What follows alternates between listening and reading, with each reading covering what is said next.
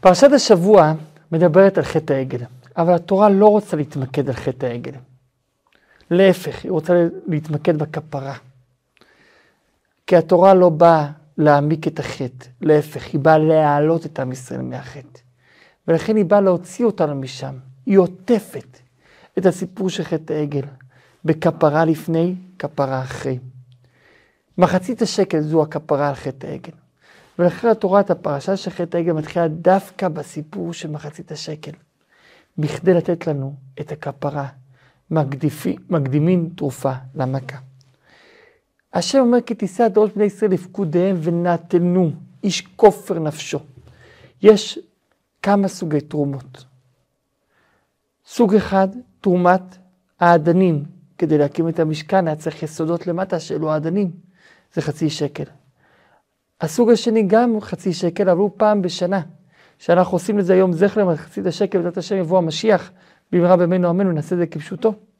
וזה חצי שקל כל אחד ואחד בשביל קורבנות הציבור. והסוג השלישי, כל אחד כמה שהוא רוצה, כפי נדבת ליבו.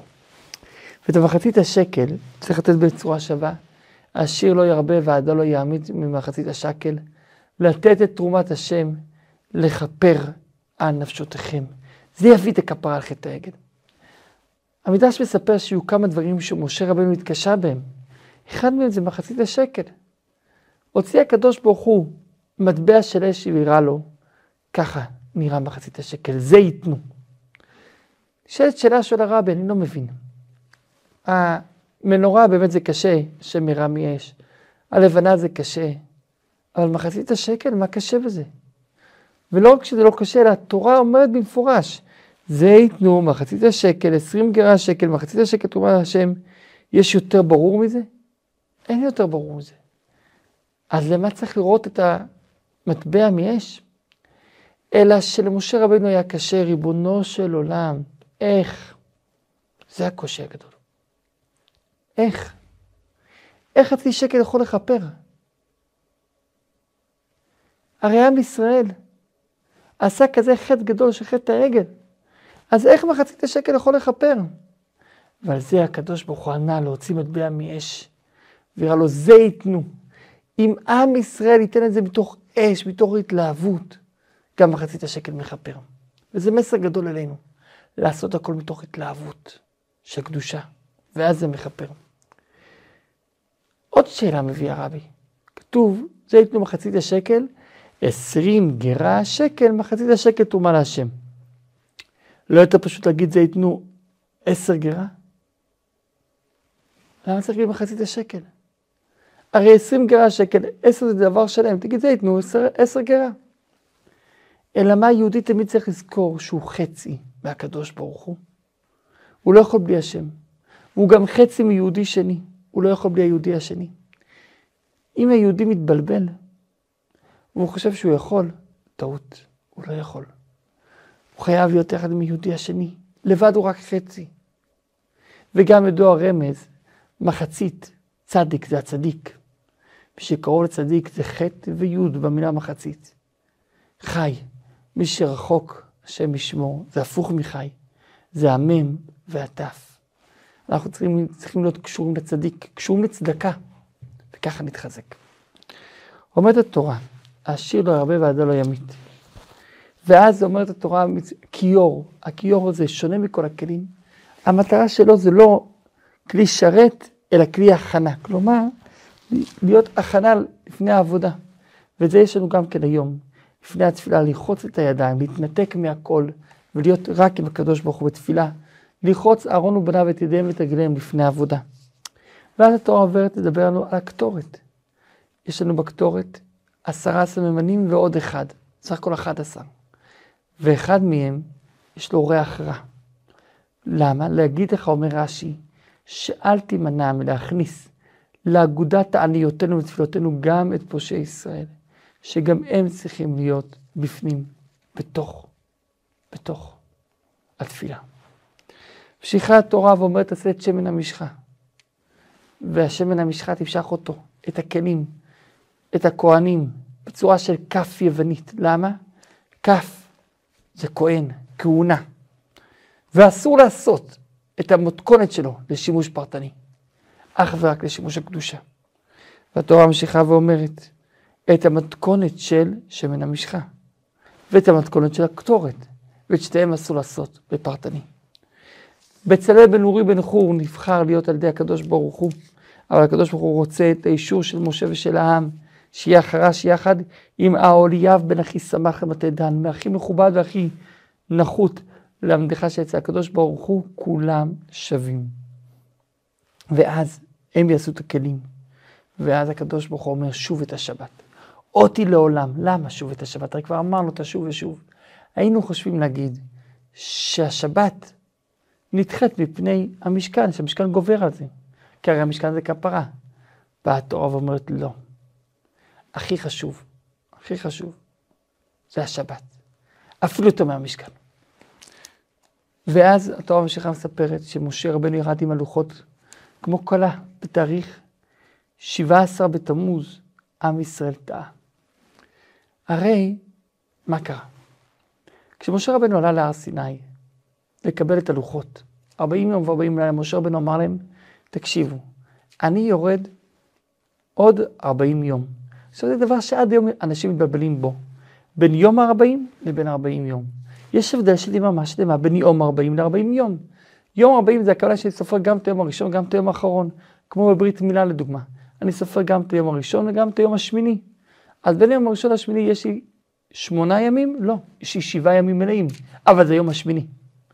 וזה בעצם הטעות שעם ישראל טעה. משה רבינו אמר להם 40 יום, אז הם חשבו יום 40. הגיע יום 40 ט"ז בתמוז ומשה לא יורד. משה אמר להם שעה שישית. אבל באמת משה התכוון לי"ז בתמוז, זה 40 יום, לא יום 40. וזה הבדל שהיא ממש שלמה. והערב רב שהיה איתם התחיל לנצל את זה. ואמר הנה הגיע שש ומשה רבנו לא הגיע. השטן ראה שהתחילה המחלוקת, אז השטן גם כן עשה מין ערבוביה בעולם, והראה את מין מיטתו של משה כאילו בשמיים. לבלבל, לערבב. ועם ישראל אכן נכנס ללחץ. ומה שקרה, קרה. באו למשה, באו לאהרון ואמרו, משה לא פה. אנחנו רוצים לעשות במקומו תחליף. מביא הרבי שלא הייתה הכוונה שלהם למרוד בקדוש ברוך הוא, הכוונה הייתה להיות כמו דור אנוש, שרוצה לעשות תחליף למשה, אבל לאט לאט זה התגלגל וזה הפך להיות אפילו עבודה זרה תחליף להשם. באו לאהרון ואמרו לו, אנחנו רוצים לעשות משהו שילך לפנינו, כי משה נעלם. חור בהתחלה התנגד, הם רצחו אותו. רואה אהרון שאין עצה ואין תבונה ועוד רגע יהיה יותר גרוע. ורואה אהרון שאם הוא יתנגד יהרגו גם אותו. ורואה אהרון שהדרך שלו היחידה זה לקחת על עצמו את המשימה ופשוט לעכב. הוא מחליט לקחת על עצמו את המשימה ולעכב, הוא אומר, תביאו את התכשיטים של האנשים והילדים שלכם. למה הוא ידע שייקח זמן, כי אישה וילדים לא רוצים להתפרק בתכשיטים. אבל גם הם ידעו את זה, הגברים, והם לא פנו לנשים. ואנשים שכן פנו אליהם לא הביאו, כך אומר המדרש בפקד רבי אליעזר, שאנשים היו צדיקות. ולכן הם בזריזות הורידו את התכשיטים שלהם עצמם. והביאו את זה לאהרון אלבראי לקחת את הזהב, הוא מתחיל להתיך את הזהב, הכל לאט. ופתאום יצא עגל מתוך הזהב, ולא סתם עגל, אלא עגל אוכל עשף. איך זה קרה? שתי דעות. דעה אחת אומרת שיש שם כל מיני מצרים, המצרים היו אלופי עולם בכישופים.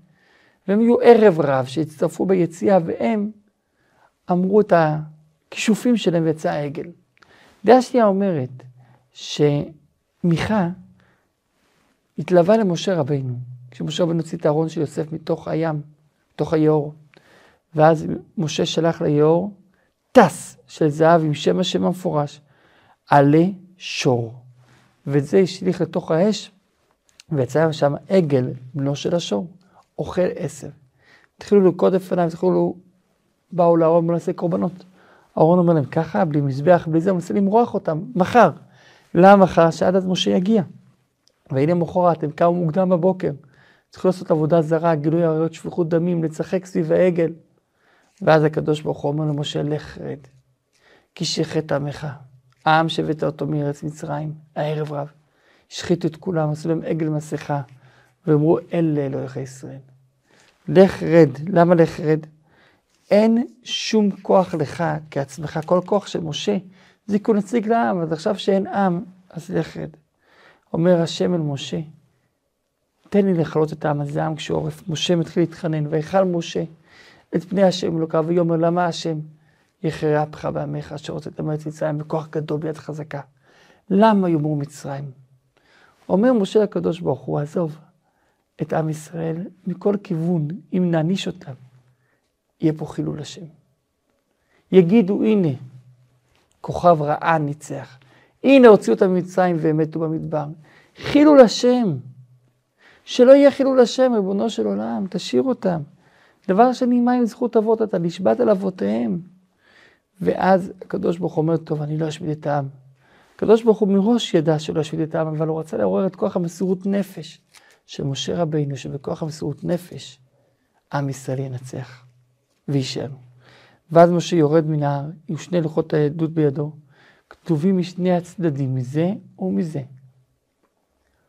כמו כלה, התורה הייתה, כמו שכלה יש 24 קישוטים, כך תלמיד חכם צריך שידע 24 ספרים. ואז משה יורד, יהושע מחכה לו. יהושע שמע את הכל, אומר, הנה משה, תראה איזה קול יש במחנה, יש קול של תרועה. אומר משה, זה לא קול מלחמה ולא קול ניצחון וגם לא קול כישלון, אלא זה קול של עינוי אני שומע. הם מגיעים והוא רואה את הריקודים, הוא רואה את העגל והמחולות. משה רבנו כועס. ראיתי פירוש יפה, כתוב כל הכועס כולו עבודה זרה. משה לא היה שייך לעבודה זרה, כדי לתקן אותם, צריך שיהיה לו איזה קצת שייכות. לכן הוא קצת כעס, כדי שתהיה לו שייכות לעם לתקן אותם.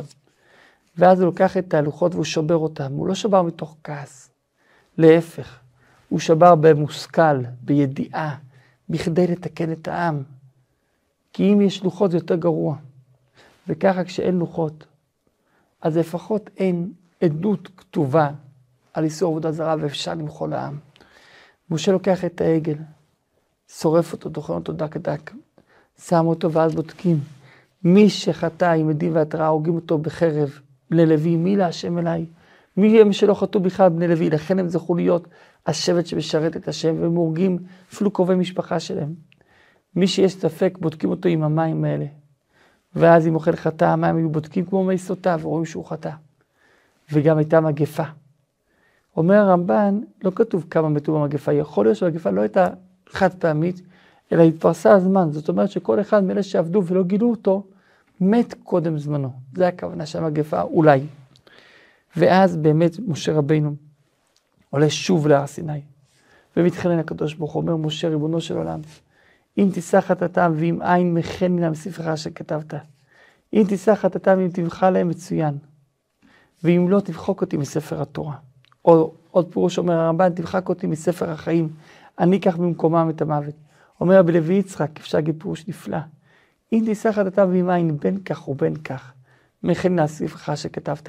אני לא רוצה להיות מוזכר בספר התורה, אם זו האפשריות והעלוליות למחוק את עם ישראל. ואז אכן משה מגיע ואומר, ריבונו של עולם, תן להם תקווה. והקדוש ברוך הוא אומר, הם יעלו לארץ, והביא להם את התקווה.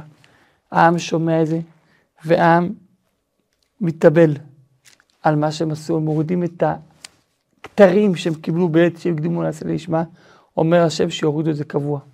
ואז משה לוקח את האוהל ונמצא מחוץ למחנה. אוהל מועד, אלפיים אמה, מרחק תחום שבת, שמי שרוצה יכול לבוא אליו בשבת, כמה שהכי רחוק שאפשר להתרחק, זה אלפיים אמה, כדי שתהיה אפשרות לשבת.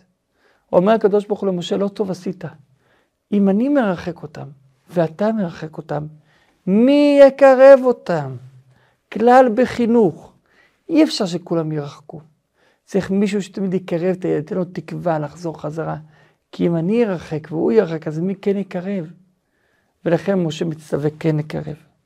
ואז משה מתחיל לבקש מהקדוש ברוך הוא, ריבונו של עולם, אתה אמרת שנעלה לארץ, אבל לא אתה, אלא מלאך ישלח. למה? כי אם השם שולח בעצמו זה לא טוב, כי אולי אם יחטאו זה יהיה חטא להשם, עדיף מלאך. אבל לא אמרת לי מי. הקדוש ברוך הוא עונה לו. אומר לו, אני אתן לך מלאך של רחמים. אומר משה רבנו, אם כן, יש לי בקשה. בקשה ראשונה, אל תעזוב אותנו, את עם ישראל. אומר לו, הקדוש ברוך הוא, קיבלת. בקשה שנייה, הקדוש ברוך הוא יכול לא לעזוב את עם ישראל, אבל להוסיף עוד אישה, כביכול, עוד עם על עם ישראל. אז אל תוסיף עוד עם. גם את זה קיבלת. ובקשה שלישית, ריבונו של עולם, אל תאשר שכנתך לאומות עולם, זה הבקשה השנייה. הבקשה השלישית, תראה לי את כבודך, תלמד לי את הדרכים שלך.